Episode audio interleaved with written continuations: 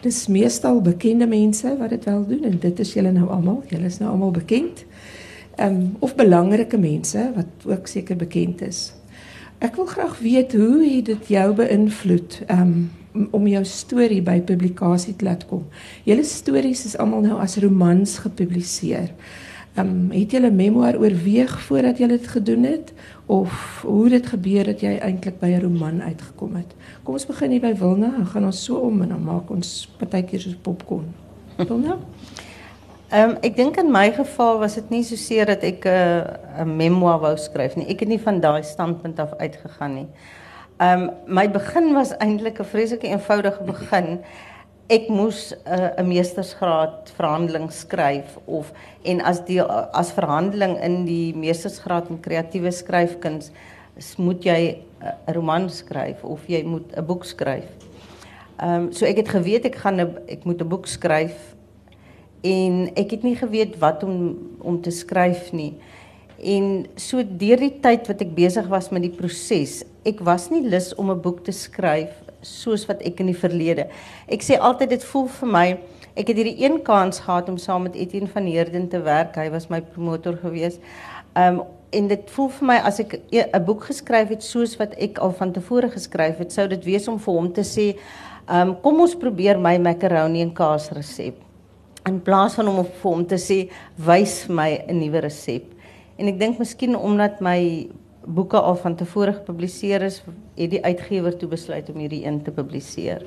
So ek het nie gegaan as jy weet dat dit 'n memoir moet wees nie. My uitgangspunt was dat ek 'n storie wou vertel.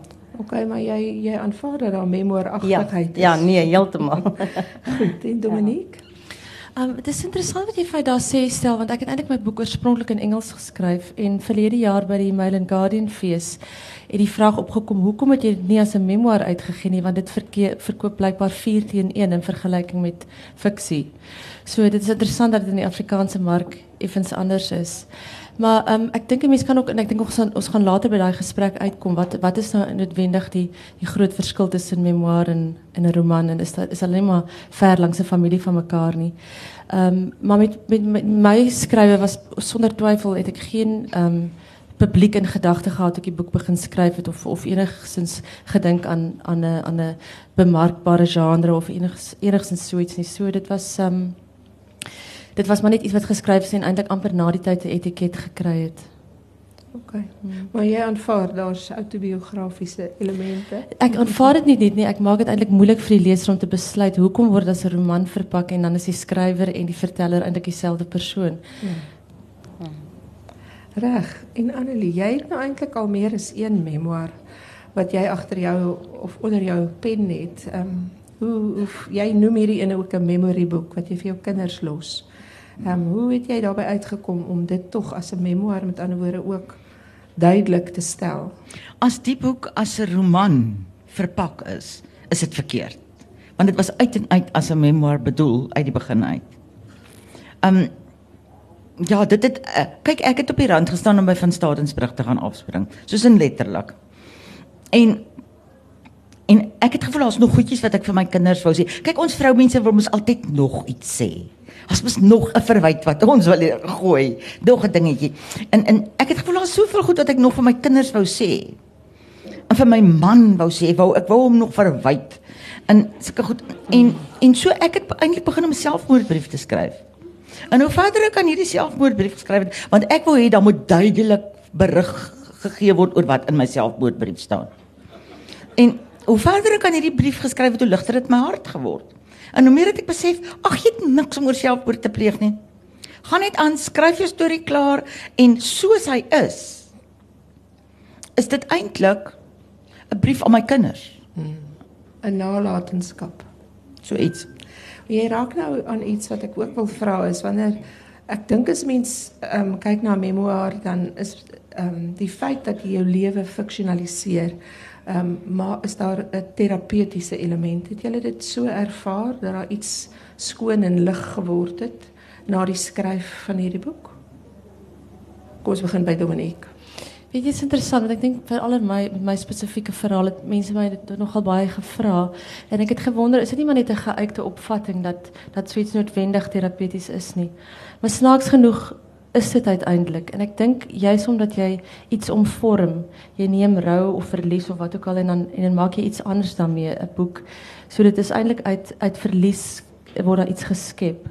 So ek dink met die met die produk, met die met die uiteinde daarvan was daar sonder sonder twyfel 'n 'n ehm katarsis as 'n mens dit so kan sê. En Anne, Annelie vir jou, het jy gevoel nou is die van Starensbrug nie meer daar vir jou nie? Uh, daarna wou ek al 'n paar keer weer gaan afspring. Um enige iets wat ek in my lewe doen, of dit 'n koekbak is of dit 'n boek skryf is of dit plantjies plant is, is vir my terapeuties. Enige iets wat ek skepend vind. Die verskil is met 'n boek, is dit blywend. Jy eet dit nie op nie en jy vergeet nie daarvan nie. Hy is daar en hy's permanent. Hmm maar dit is in bly. Enige boek, al is dit ook 'n fiksieboek, is vir my terapeuties, want in elke fiksieboek wat ek skryf, is iets van my. Hmm. Ehm um, dis iets wat jy los skryf van ja. my. Hmm. Ek kan nie dit skryf met oortuiging as dit nie deel van my is nie. Goed, maar maar die ander het uh, an, elke keer 'n ander um, probleem aangeraak. Hierdie ene was nou spesifiek jou lewe wat dit aangeraak het. So, dis met ander woorde daar's 'n ander terapie wat ek veronderstel. Ek dink nie dit is noodwendig so nie, want ek dit is soos jy sê, enige kreatiewe uh produk maak iets 'n tipe van 'n energie wat losmaak. So ek het net gewonder of hierdie ene 'n spesifieke ander smaak in jou mond agtergelaat het. Ek dink dat ja, dit, het in 1 dit het in 30 sekondes met my gebeur. Dat ek 4 uur in die oggend 'n SMS van my seun in Londen gekry het. Nie in Londen nie in Salisbury. Um waarin hy sê moeder pas klaar met swart op wit. Ek is hartseer. Dankie dat moeder my moeder is. Hmm. En dit het dit alles vir my saamgevat. Ja, dit is dat ek daar vir in die oggend gehuil het dat die gryse gedink het ek is besig om 'n beroerte te kry. Hmm.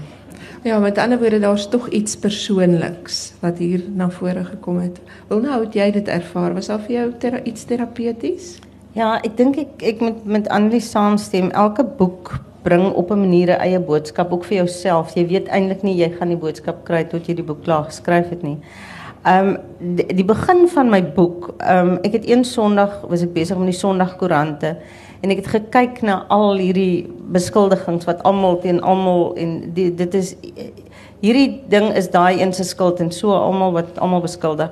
En toe sê ek vir my man, ek wens ek kan 'n rubriek in die koerant skryf en net vertel hoe voel dit om 'n vrou te wees in hierdie land, om kinders hier te kon grootmaak mm. en en dan die volgende Sondag moet iemand anders weer um haar storie vertel. En toe sê hy vir my, "Maar dink ek ek kan namens ander mense vertel of of skryf?" En toe besef ek maar ek kan eintlik glad nie namens iemand anders um iets skryf nie of sê dat ek weet hoe voel dit nie. En dit is ook waar die idee van 'n klein lewe gekom het. So ek dink ek het hierdie boek eintlik vir myself geskryf om my eie lewe aan myself te verduidelik binne hierdie land. So toe ek klaar is, ja, was daar vir my soos met die ander boeke, maar ook 'n baie meer persoonlike boodskap gewees. Ja, maar dit is tog interessant as ek nou dink toe ek dit self gelees het, hoe dit my aangeraak het en my laat dink het aan my storie van my eie spesifieke ehm um, kan ek dit nou maar ek wil nou nie 'n worsteling noem nie, maar ehm um, my reis in in in Suid-Afrika as as wit Afrikaner vrou wat eintlik veronderstel is om stil te bly. Ehm um, en eintlik baie van hierdie goeders verduur het en ons moes ehm um, gehoorsaam of submissive wees. Ehm um, met ander woorde mens loop die pad, maar jy jy dra eintlik party van die gevolge op 'n ander manier. Met ander woorde jou storie raak ander aan. Ehm um, maar wat ek nou wonder oor is 'n memoir is dikwels omdat dit so intens persoonlik is, is dit moeisame lees. As ek nou dink aan al die memoirs wat ek gelees het. Ek kan omtrent net 'n hoofstuk op 'n aand lees. Iets anders soos ehm uh, Dion Meyer sal ek vat en ek van die voor tot die einde lees. Maar 'n memoir is half vir my te intens. Ehm um, hoe het jy daarmee gewerk um, om jou leser met ander woorde te boei, aanhoudend. Um, of of wat jy aanvaar, hulle gaan maar so 'n maand lank deur jou boek lees of iets van die aard. Wat het jy gedoen? Of het jy niks spesifiek het jy nie daaraan gedink om iets te doen nie? Moet ek so Nee, ek dink ons moet by Annelie begin. Nee, ek het niks gedoen nie, ek het net vertel. OK. Uh, uh, alles in my kop is 'n storie. En ek vertel net die storie in op 'n manier bind die boei die stories. Ek dink dit is omdat die stories so alledaags is. En en dit wat in hierdie boek staan is jou lewe en jou lewe en jou lewe. Dit is daar's niks eksoties aan dit nie. En ek dink dis omdat mense kan vereenselwig met met baie dinge en met baie dinge nie. Ehm um, wat hulle aanhou lees, want dit is eintlik hulle lewe. Ek ja, ek dink jy's reg. ek dink aan wat ek lees en baie van die mense wat skryf oor hoe om 'n memoir te skryf. Is dit baie belangrik sê hulle om jou leser in gedagte te hou. Dis nie dat ek nou wonder in watter mate het jy 'n leser of 'n luisteraar dan voor jou gehad vir wie jy jou storie vertel, Dominique, jou kant? Ja, ek wil eintlik met Annelie saamstem. Ek dink 'n storie is 'n storie. Daar's 'n daar's amper 'n hipnotiese gegewe aan een dag lank lank gelede en dan word die mens so in die vertelstroom gedompel en dan word dit 'n verhaal. So dit is amper net in die intieme binnekring is dit 'n memoir en verby dit word dit 'n narratiewe verhaal vir almal want jy ken tog nie die mense daar binne nie. Ehm um, so ek dink nie en en en sonder twyfel dink ek ek weet nie ek ek ek ek is amper onseker oor die idee dat mense luisteraar moet jy moet begin met jou binneoor en dis waarmee jy handel en skryf in die begin. En as dit werk en dit is 'n en, en soos Annelie sê elke storie is 'n universele storie. Hoe meer persoonlik, hoe meer universeel ironies genoeg sal dit uitgaan na leser en hulle hulle verbeelding aangryp. Goed, met ander woorde dis nie net hulle verbeelding nie, maar ook hulle ervaring wat aangegryp word. Hulle eie ervaring. As ek nou spesifiek dink, ehm um, julle stories gaan almal oor 'n wit Afrikaner vrou in Suid-Afrika in apartheidstyd. Ja, maar ek dink dit is wat ongelooflik is van van van, van die krag van literatuur, want jy kan jy kan jouself heeltemal vereenselwig met 'n pagter in Rusland 300 jaar terug dit hang af van die manier wat daai skrywer daai uh, ervaring kan uitbeeld. So ek ek dink miskien is dan noodwendig meer van 'n aanklank omdat ons almal op 'n manier 'n gedeelde omgewing en geskiedenis het. Maar ek weet nie of dit so seer die die gedeelde gegevens is wat die, wat die wat die wat dit sterker maak nie, maar liewer die skryf daarvan. Goed vir jou as skrywer. Ek dink nou aan aan die leser. Mm. Wel nou, jy Het jy enigstens dit in aanmerking geneem terwyl jy geskryf het? Nee, ek het as kind vir myself stories vertel en ek kom agter ek is nog steeds besig om dit te doen. So ek ek stem saam. Ek dink ek het begin om om 'n storie te vertel, nie noodwendig met iemand daar buite nie. Um ek wil weer terugkom na die titel toe, 'n klein lewe. Ek ek wou my lewe eintlik vir myself um oop vertel. Um sekere dinge onthou wat hier gebeur het en hoe dit gebeur het. En ja, ek dink dit is maar soos ek het, ek het ook net geskryf. Ek het nie noodwendig ehm um, met 'n spesifieke leser of hoorder geskryf nie. Jy het nou iets aangeraak oor die onthou. Ek sien uh, Dominique jy sê geheue is die diensmeisie van die ego herinnering. Herinnering is die diensmeisie van die ego. Wil jy daarop uitbrei want dit kom hierby uit van wat het jy gemaak met geheue? 'n Mens onthou, maar jy kan tog nie presies onthou nie. Met ander woorde, jy moet iets bylieg. Ehm um, ek noem dit nou maar bylieg, maar ek meen eh, iets anders verweef om dit dan nou 'n volle storie te laat word. Wil jy net 'n bietjie daaroor praat oor herinnering en wat jy gedoen het met herinnering en wanneer jy agterkom jy onthou nou nie presies nie. Wil, ja, op 'n manier. Ehm um, ek onthou dat ek weet nie of enige van julle Julian Barnes se onlangse boek gelees het. Ehm um, ek kan nie eens nou ek dink was ek kan nie eens onthou wat die titel van die boek was nie, dit wys jou net, maar dit gaan juis oor die bedrieg, bedrieglikheid van 'n mens se eie geheue. En wanneer ek praat van die diensmeisie van die ego, is dit 'n mens onthou op 'n manier wat jy wil onthou en dat jy self jou herinneringe kan verander. En ek dink ek was intens bewus reg van die begin af dat hierdie iets hierdie is 'n storie wat nie net aan my behoort dit nie, maar ander mense het dit miskien op 'n ander manier onthou en ek dink dit is belangrik om dit reg van die begin af duidelik te maak. En dan begin mense, jy weet jy, jy gebruik soveel uh, uh, narratiewe metodes om jou vertelling, jy weet in 'n in 'n storie te omskep. Byvoorbeeld alle dialoog is eintlik maar 'n versinsel want jy onthou nie noodwendig wat gister gebeur het nie en om dan 20 jaar terug te gaan um, is is amper onmoontlik. Dis dis dis dis dis 'n ander dissipline, dis 'n manier van geskiedenis skryf.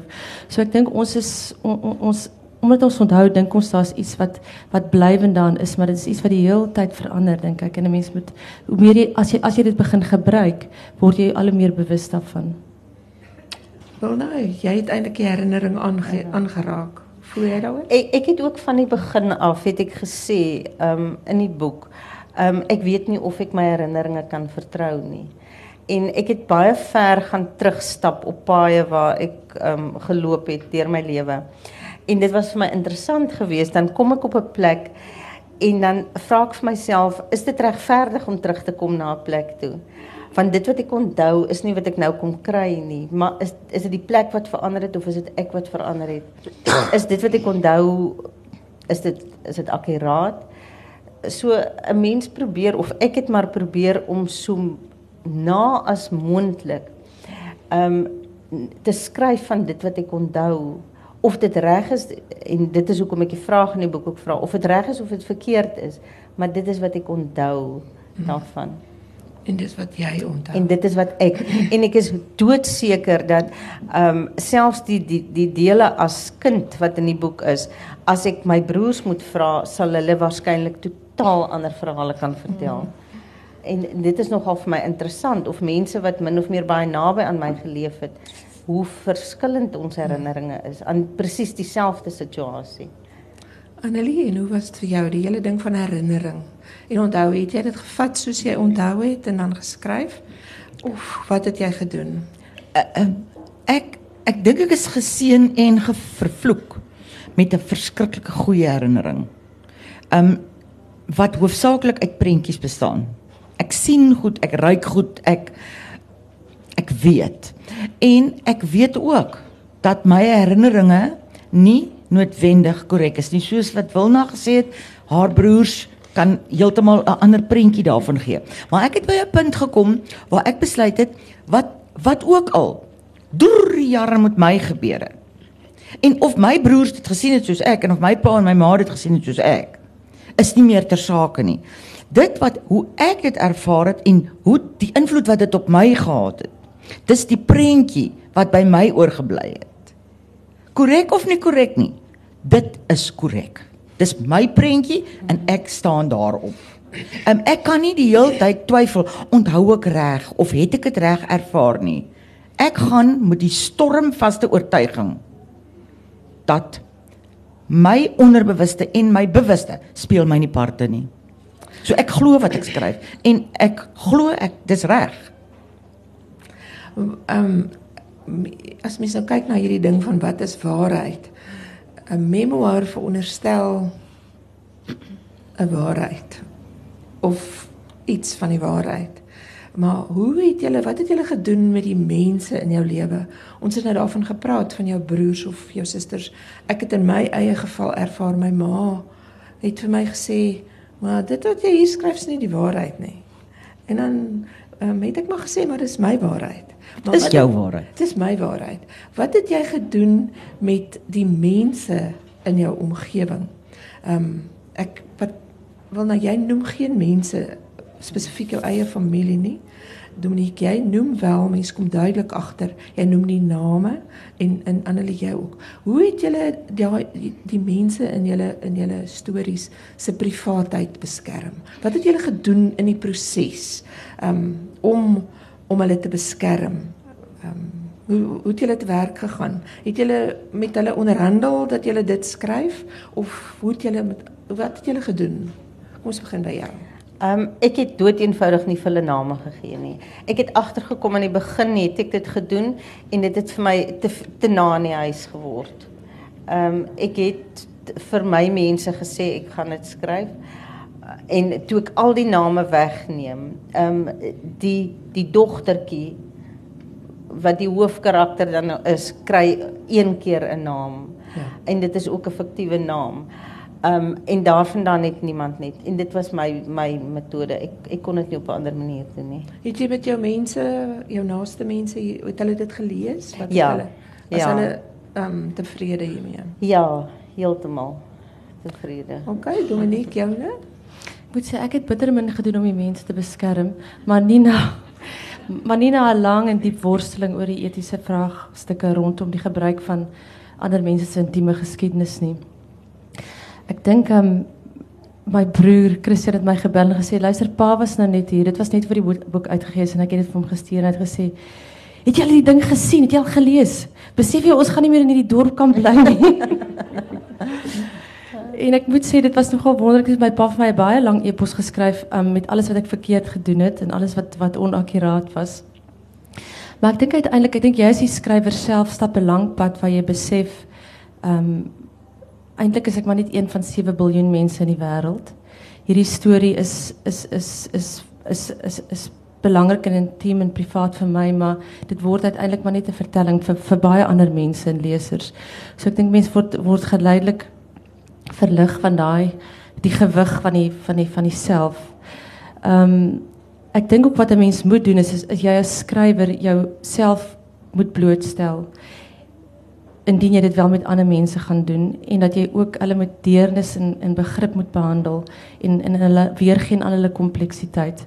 Dit ook bygesê, ek dink die mense wat heel naas aan my is, my ouers, my dooi broer, die mense dink ek het het 'n mens het, is daar was nie 'n skans voor vir die vertelling nie, maar ek dink met wel met van die ander mense is dit sonder twyfel ehm um, 'n geval gewees van van waar waar ander name miskien gebruik is waar drie of vier mense of gebeure of ervarings in een um, saamgevoeg word. Annelie. Ek het niemand nêrens probeer beskerm nie. Ek het probeer dink gaan ek in die hof beland of nie. En as ek gevoel het ek gaan in die hof beland, het ek dit geskryf nie. Um ek het almal in die boek is op hulle korrekte name. Um presies hulle korrekte name. Waar ek gevoel het. Want kyk die lewe is vol poepholle en gatwurms en ek weet nie wat ek skuis tog laat ek dit so sê maar ek dink dan verstaan almal presies wat ek bedoel. Um Judasse en sulke goede. Um wanneer ek van hulle wou skryf, dan het ek dit daardie persoon 'n naam gegee. Byvoorbeeld op 'n plek waar ek van so iemand iets wou skryf, het ek hom 'n mif koffer genoem, want hy's altyd, hy't uit hy het altyd 'n mif geryk, soos klere wat nat geraak het in 'n koffer. So ek het hom 'n ek het hom die mif koffer genoem. Hy sal homself erken in die boek. Maar hy kan nie sê ek het enige iets van die mif koffer, maar verder uh, as ek byvoorbeeld 'n 'n sensitiewe storie wou vertel van die oom wat prostaatkanker gehad het. En ek het gevoel daai mense is vandag nog in my lewe en en is 'n extended familie daai. Ek wil nie daai oom identifiseer nie. Het ek gesê, kom ons sê maar sy naam is. En dan het ek 'n ander naam gegee. Maar sy familie sal hom erken, maar dan beteken dit die hele land erken hom ten minste.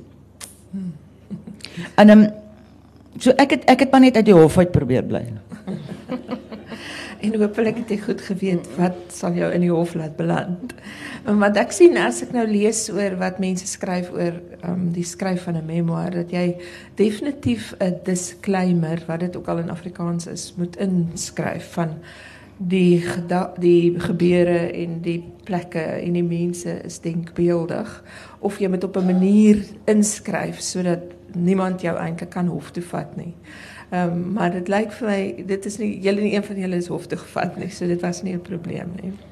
Miskien omdat dit 'n roman is. Ek weet ook nie. Presies, ja, daar is daar is die disclaimer reg voor voor op op die boek op die omslag.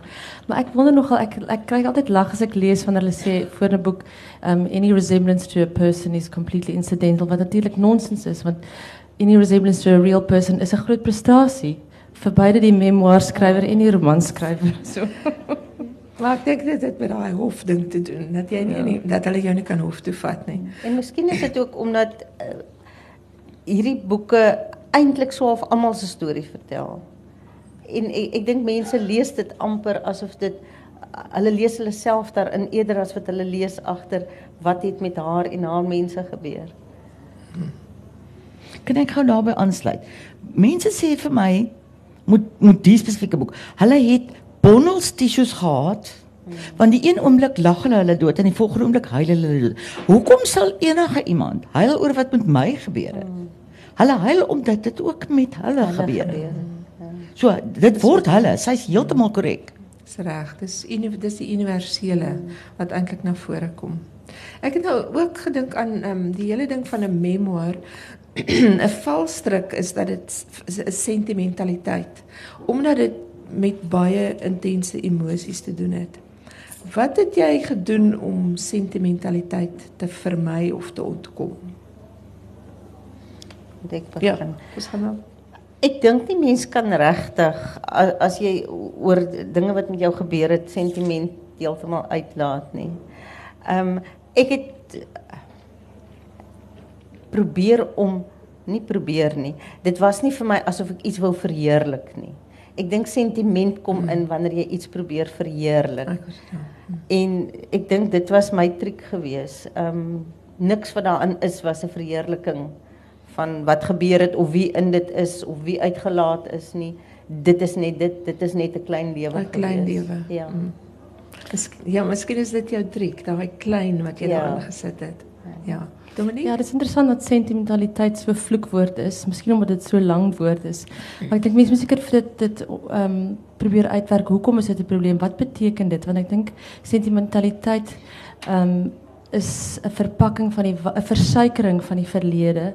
So dit stroop dit van van van die van die minder ehm um, aangename gegevens en ek dink dan dan wat jy wat jy dan weer gee is, is iets wat vals is.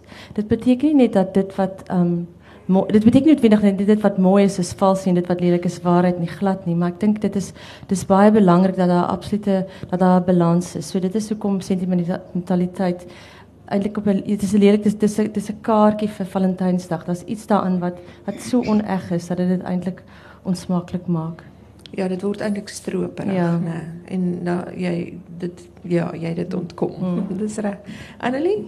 Ja, jy het nou net die woord jy het nou net die woord stroperig gebruik. Daar's 'n groot verskil tussen sentiment en stroperigheid. Um ek het niks probeer doen nie en as sentiment ingekom het, het ek dit nooit probeer keer nie. Ek het dit net natuurlik probeer hou. Menslik probeer hou. Um want ons almal het sentiment. En ons almal het binnekamers waarvan ander mense nie weet nie wat sentiment gevul is. Um ek dink wat ek gedoen het om te keer dat dit klink of ek verheerlik soos wat sy gesê het. As ek het my dark sides baie duidelik geskets. Um niemand niemand nog ooit het soveel verkeerde dinge van my vertel soos wat ek in hierdie boek van myself vertel het. So ek gooi dit oop want ons het almal daai goed en dit is dalk hoekom mense identifiseer want hulle sien ja, okay, ons het almal daai donker kante. So ek het nie sentiment probeer vir my op enige manier nie. Ja, maar jy het op die ou en deur die balans. Dit waarskynlik. Ek ek dink die balans het ja. van nature gekom. Ek ek het dit nie probeer nie. Ek het nooit gaan check vir dit nie. Ek het ehm um, gelees die uh, Nederlandse skrywer Renate Dorstein het op 'n stadium gesê ehm um, dis verskriklik moeilik as jy spanning probeer skep om oor lagende babas en kykies en en sulke tipe van goed te skryf en geluk en vrede. Ehm um, want daarmee kan jy absoluut geen spanning opwerk nie. So ek dink ons natuurlike manier van stories vertel het ons dalk ook gekeer dat ons nie te veel oor lagende babas en en geluk en vrede geskryf het nie. Okay, maar dit bring my by my volgende vraag van spanning en intrigue en intrige. Ehm um, as jy in 'n roman, as jy nou kyk na die verskil tussen 'n roman en 'n uh, memoir, wat sou jy sê wat het jy gedoen om spanning en intrige te veroorsaak? Ehm um, ek gaan dit net so vra. Jy raak dit nou eintlik aan. In my geval eh, dink ek het my afstand eh, om te skryf as 'n objektiewe waarnemer wat amper saam met die leser deur die gebeure gaan en omdat ek dit nie 'n ek verteller gemaak het nie. Um het dit vir my moontlik gemaak dink ek um om meer spanning as wat dit net 'n ek verteller sou gewees het. En dan miskien die feit dat ek nie oor die lagende babas en die en die vrede en die ehm um, en die geluk probeer skryf het nie. Dit is ook daar. Uh, maar dit is nie al wat daar is nie. En as ek nou dink aan jou boek dat jy eintlik die rou waarheid van wat het hierdie karakter ervaar mm. langs die pad mm. wat definitief nie alles maanskyn en rose was nie. Wat regtig goeie goed was. Ja. Ehm um, en ek dink dit is met ander woorde deel daarvan. Hm, goed, Dominique. Ek dink in my geval was daar 'n baie duidelike kronologiese verloop wat opgebou het na 'n einde. En ek dink jy weet eh, mense kan amper sê miskien is die verskil tussen 'n roman en 'n en 'n memoir dat daar in 'n roman is daar 'n einde. Is 'n begin, middel, einde en dit skep daai spanning. So daar's absoluut daai draad van 'n van van 'n van 'n 'n paadjie wat gestap word en jy jy bou op tot by die einde en ek dink dis maar in enige vertelling die geval. Ja, dat mens wonder wat gaan gebeur. Ja. Ja. Annelie, jy het nou nie heeltemal 'n kronologiese pad gevat met joune nie. Ehm um, wat het jy gedoen? Jy het nou gesê van jou donker kante dat dit die spanninge en intrige ehm um, bewerkstellig het. Is daar iets anders wat jy wil byvoeg om dit spesifiek te noem? In al my jare kon ek nog nooit regkry nie. En ek dink ek sal dit ooit regkry om 'n boek kronologies te skryf nie. Ek ek lei aan ADD, my kop spring te veel rond. Um en ek dink die feit in al my boeke, nie net in hierdie ene nie, dat ek 'n storie vertel tot op 'n punt. En dan val iets my by. Dan maak ek 'n wit spasie, dan vertel ek 'n nuwe storie wat binne in daardie storie pas. En in daardie storie val iets anders my by. En dan vertel ek 'n storie binne in hom. En op die ou einde rol hierdie stuk deeg homself weer uit sodat die eerste storie wel later klaar vertel word. En miskien, ek weet nie, miskien wag die leser. Hierdie storie is nog nie klaar nie. Nou begin ons 'n ander storie. 'n ander storie. En éventueel weet die leser die stories gaan hulle self oplos. So of dit 'n spanningslyn skep, kan ek nou nie sê nie, maar dit is hoe al my werk geskryf word. Ja, want waarskynlik as jy nou kyk na wat mense verder sê oor oor die roman, is die hele ding is daai van die oop plekke dat jy eintlik goed so in die lug laat hang. Kyk, kan ek en dan sy oop en dan later vul jy hom wel in dat die Kyk wanneer ons wanneer mense met mekaar gesels, dit maak nou nie saak of dit rondom 'n braaivleisvuur of dit by 'n damestee is nie. Dan begin hulle iets vertel. Dit is die natuurlike tendens in die normale mens in die omgang, daaglikse omgang. En dan val iets jou by En dan lê jy sê, hoorie, waar het ek nou weer begin? Of o ja, wou jy nog klaar vertel van dit? O ja, wag, ek moet onthou nou dat ek jou nog dit klaar. So dis 'n natuurlike ding dat 'n mens begin 'n storie A en vertel hom en uit tot by die punt, laaste punt nie. En ook in 'n mens se gedagtes. Jy staan voor die stoof en jy kook patats. En skielik dink jy aan jou ouma wat daar by Geelhoutboom op George gebly het met die lang vlegsel. En dan dink jy uit dit uit aan ander goed en aan ander goed, maar op die ou end kook jy steeds patats voor die stoof, maar jou gedagtes gaan net so. En en ek dink dis hoe ek skryf op.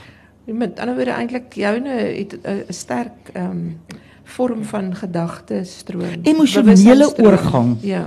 Waar die waar my emosies dit gevra het, het ek oorgegaan. OK. Ek het nou gewonder oor julle want julle is nou almal bekend omdat julle ehm um, goeie publiek wat se mens publisiteit gekry het as gevolg van julle boeke en omdat julle nou ek noem julle gevierde skrywers. Ehm um, julle het nou 'n tipe van 'n leserspubliek nou wat jou boek lees, wat jou memoir lees omdat hulle jou ken. Ehm um, dit is nou nie so by jou nie. Uh, Dominique, dit was nou jou eerste een, maar jy het mense oorrompel, so jy is nou 'n gevierde skrywer. Maar watter raad, as jy nou as jy onthou wat ek in die begin gesê het, daar's nou nog nie 'n mark in Suid-Afrika vir onbekende persone om 'n om 'n memoir te publiseer nie. Watter raad Julle nou almal iemand in julle lewe ook gehad wat eintlik nogal ehm um, ek wil amper sê julle hupstoot gegee het jy het Etienne van Heeren gehad. Jy het Antjie Krog en Breitenberg speel sterk in jou boek. Jy het vir Daleen Betee wat nou nie meer hier is nie maar wat jou sterk jou gesteun en gestoot het. Wat van mense wat nou 'n gewone Jan Rap op die straat is wat nie erns of bekend is nie of nie 'n bekende persoon het om hulle hupstoot te gee nie? Wat se raad het julle vir mense om hulle memoirs tog te soos jy sê ehm um, Wilna, hier stories wat mense moet vertel. Watter raad het jy om vir mense te gee? Wat nie wat nie hoop stoot het erns nie. Ehm um, ek was 'n paar jaar terug in ons buurt was 'n vrou gewees wat een middag sy was 44 uit sy na kombuis gestaan en sy het 'n massiewe beroerte gekry. En ehm um, daar was niemand by die huis nie. So iemand haar kinders of iemand het omtrent eers 'n uur later by die huis gekom en toe kon hulle haar eers by die hospitaal kry en sy was vir baie baie lank in 'n koma gewees en die dokters het eintlik gesê hulle moet die masjiene afskakel. Maar haar man het so half bly hoop en eendag het haar pa ingestap en en sy het begin na bewussyn herwin. En sy het sy het baie probleme daarna en sy sal waarskynlik nooit weer ehm um, die vrou wees wat sy was nie. Maar toe kontak sy my en sy vra vir my sy wil baie graag haar storie vertel. Want sy moes deur geweldige terapie gaan om te kan weet wie sy vandag is. En ek het baie gaan oplees hier oor um, om vir haar raad te probeer gee en dit is iets 'n tricky road. Want ehm um, en ek het ook eers gelees dat 'n memoir 'n autobiografie is oor 'n lewe en 'n memoir is eintlik soos binne in 'n lewe. 'n stukkie van 'n lewe. 'n stukkie van 'n ja. lewe. En my enigste raad wat ek vir op die ouend kon gee is knoop dit dan moet 'n 'n um, anker wees. D dit kan nie oor jou lewe gaan nie. D jy sal dit moet aan iets knoop en ek mm. dink ek volstaan daarbey. Ehm mm. um, veral as 'n mens kyk as jy 'n celebrity is, dan is daar baie mense wat wil al die kasdeure oop hê en en weet wat daar binne in aangaan. Maar ek dink as jy onbekend is om dit aan iets spesifiek om daai klein ding binne in die lewe te kry waaraan jy dit kan knoop dink ek. Ja, ek onthou die een um, agent wat nou in Amerika help vir mense om memoirs te skryf sê jy moet you you must hook your reader. Ja. Jy moet iets vind en dis wat jy nou 'n knoop noem. Jy moet hom vasgryp. Ehm um, en dit is natuurlik moeilik om te weet wat's dit. Dit is. Want dit is dikwels ja. die sondes van die vaders of die donker kante of ons worsteling. en ek dink mense werk moeilik daardeur om om daar ehm um, hoe sal ek sê want jy wil nie jou leser los met hierdie donker kant nie. Jy wil eintlik wys dat daar vrede gekom het of dat ja. daar oplossing gekom het. So dink jy mense moet begelei word of dink jy mense kan dit sommer net self doen? Ek dink tog mense moet begelei word. Dit is 'n baie moeilike pad. Um ek het die boek begine skryf en weet jy ek kon nie vorder voordat ek teruggegaan het en as jy onthou daar's 'n knoop in myne en my knoop is dat ek as klein dogtertjie die meisie wat my opgepas het se doek graag oor my gesig getrek het toe ek 'n soos van 'n klein dogtertjie was. Um en toe ek dit geknoop het, toe ek besef my verbintenis met 'n vrou van 'n ander kleur, toe ek dit knoop, toe kan ek aangaan. Okay. Maar ek dink jy jy daai 'n um, hand nodig om vir jou daai knoop te gaan help soek. Jy moet aanwys om te gaan soek wat is die probleem? Ja. Ja. Okay, Dominique, jy hieroor, hoe wil jy vir mense raad gee?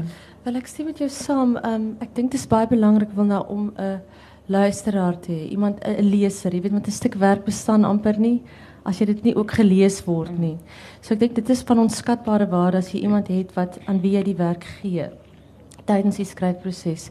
Maar ek dink wel wanneer 'n mens skryf, betree jy of wanneer jy wil uitgee 'n werklike demokratiese ruimte en dat as die werk goed genoeg is, hy sy pad sal vind, dink ek na na na na iemand wat dit sal wil uitgee of as dit bemarkbaar genoeg is of as het, of daar as daar geld gaan wees. So ek dink solank 'n mens die uithou vermoë het om dit klaar te maak, um is is is, is daar 'n moontlikheid dat dit dat dit uitgegee sal word. Ek dink nie ek dink jy kan amper nie vir mense advies gee nie. Hulle dis net iets wat hulle moet skryf en hulle hulle moet volhard daarmee.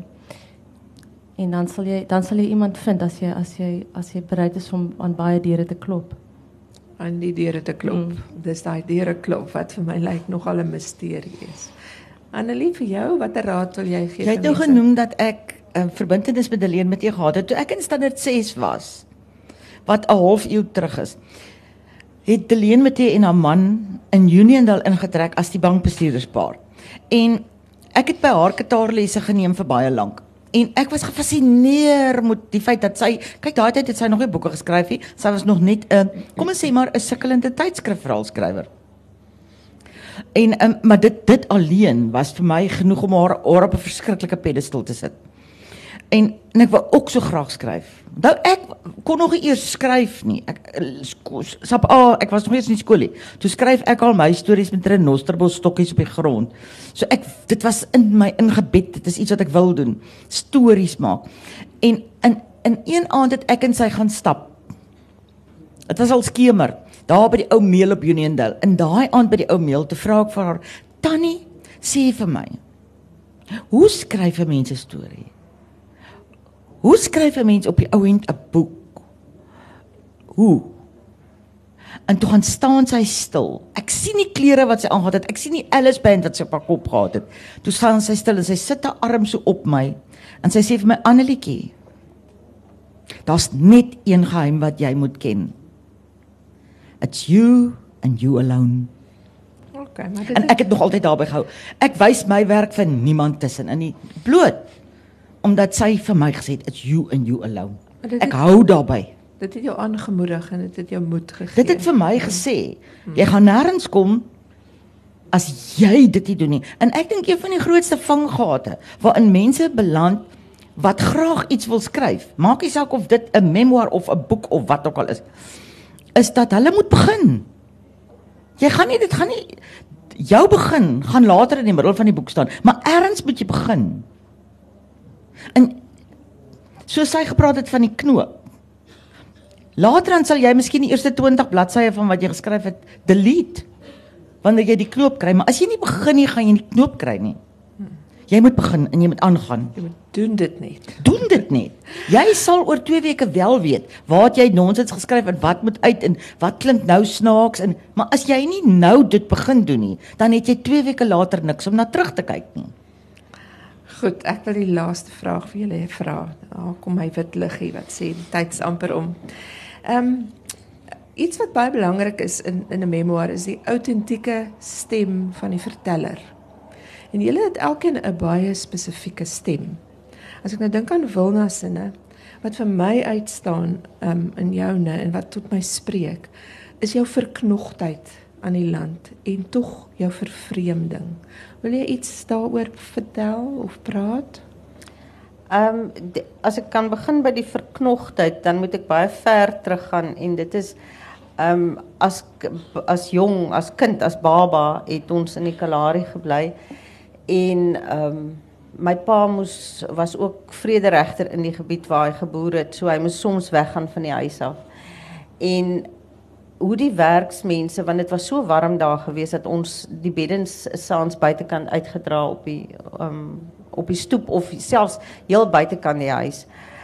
En dan my ma was 'n jong vrou, jong ma gewees en hoe sy die eerste aand uh, wat dit gebeur het, hoe verstom sy was toe sy sien dat die werksmense hulle beddens tot by die hoek van die huis gedra het om na ons te kyk terwyl my pa nie daar is nie.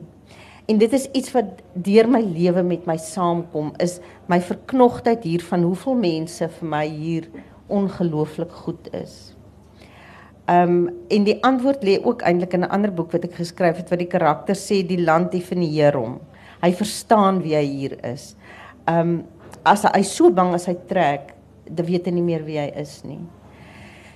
En dan die vervreemding is, is kan ek maar ook 'n toneeltjie uit die boek uit waar ek vertel um, waar ek in in ver van 'n dorp af in 'n ander dorpie het ek 'n miskraam gehad en daar was 'n hospitaal op die dorp, maar die standaarde was swak, soos vandag baie hospitale se standaarde baie swak is. En dat ek doelbewus vir my man gesê het hy moet my vat na waar wit hande my vanaand kan versorg. Ek was so ontsettend bang geweest. Um en die skuldgevoel daarna. En daai skuld waarmee dit voel vir my elke dag jy nog steeds lewe. Um ek het toe ek die boek skryf het, het ek net weer vir myself gesê, um Afrika en Suid-Afrika het nie een sin antwoorde nie vir niks nie. Goed, met ander woorde, ons gaan ook nie 'n sin in een sin dit kan antwoord wat ek nou gevra het nie. Ek wil net eintlik ek besef ek het nie tyd nie want ek moet vir die gehoor kans gee. Ek wil sê um Annelie joune wat ook nou na vore kom in jou hele gesprek is jou selfspot wat ek dink kosbaar is, jou ironie dat jy en dat jy so ongeveinsd eerlik is dat mense nie vir 'n oomblik twyfel wat jy dink en wat jy bedoel nie. So dis vir my die sterk stem. Ek besef ek kan nou nie vra dat jy verder iets daaroor sê nie. En ehm um, Dominique, vir my was vir jou, jou stem is jou liriese stem dat jy en weemoed ehm um, wat mens net so pak terwyl jy jou storie lees is is jou en dat jy dit so afsluit met die gedig ehm um, wat my getref het is dat jy ehm um, praat die hele tyd in jou boek praat jy van jou broer se digterstalent. En uiteindelik is jy die digter. En dis wat na vore kom. Ek wou eintlik graag gehad het jy met 'n stukkie lees daar uit maar daai wit liggie praat nou met my. Mm. en hy sê vir my ek moet nou 'n bietjie dit ooplos vir die gehoor. Ek dink ons kan so een vraag toelaat. Een spesifiek iemand wat iets wil vra vir die skrywers Ek sien een hand. Ja, daar was iemand met 'n um, mikrofoon by jou. Ek wil nie 'n vraag vra nie, maar as Dominique haar gedig wou voorlees, dit is so beautiful hmm. dat ek dink almal wat nie die boek gelees het nie, dit behoort te hoor. OK. Ek's bly. Laat ons hoor. Jou gedig. Dis 'n baie lang gedig. Maar vat maar 'n stukkie.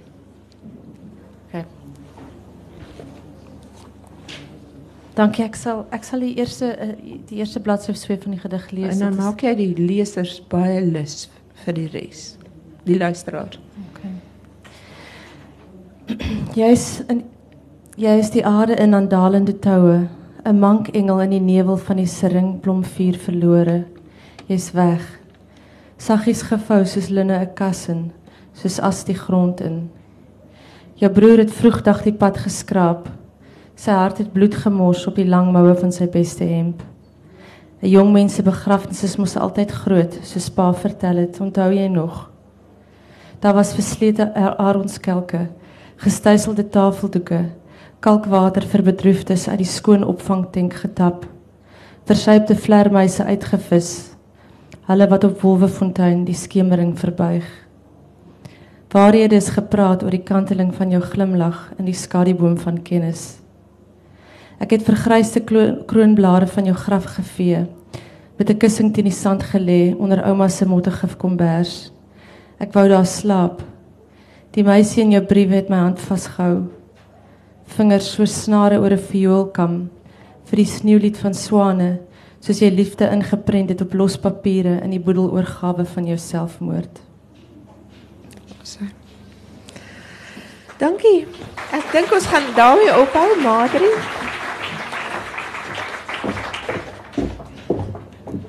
Ja, baie baie dankie aan julle almal. Ehm um, vir die van u wat nog nie die boek gekoop het nie, al die boeke is hier langs aan in die boekwinkel tent beskikbaar. Ehm um, as ek kan vra dat jy asseblief net hierdie kant uitbeweeg sodat die mense wat vir die volgende sessie inkom aan die agterkant kan inkom. Al drie die skrywers gaan hier wees hier langs aan om boeke te onderteken. So as u nog nie die boeke het nie, koop hulle gerus hier langs aan en laat hulle dan sommer teken ook. Baie dankie. foretar seg.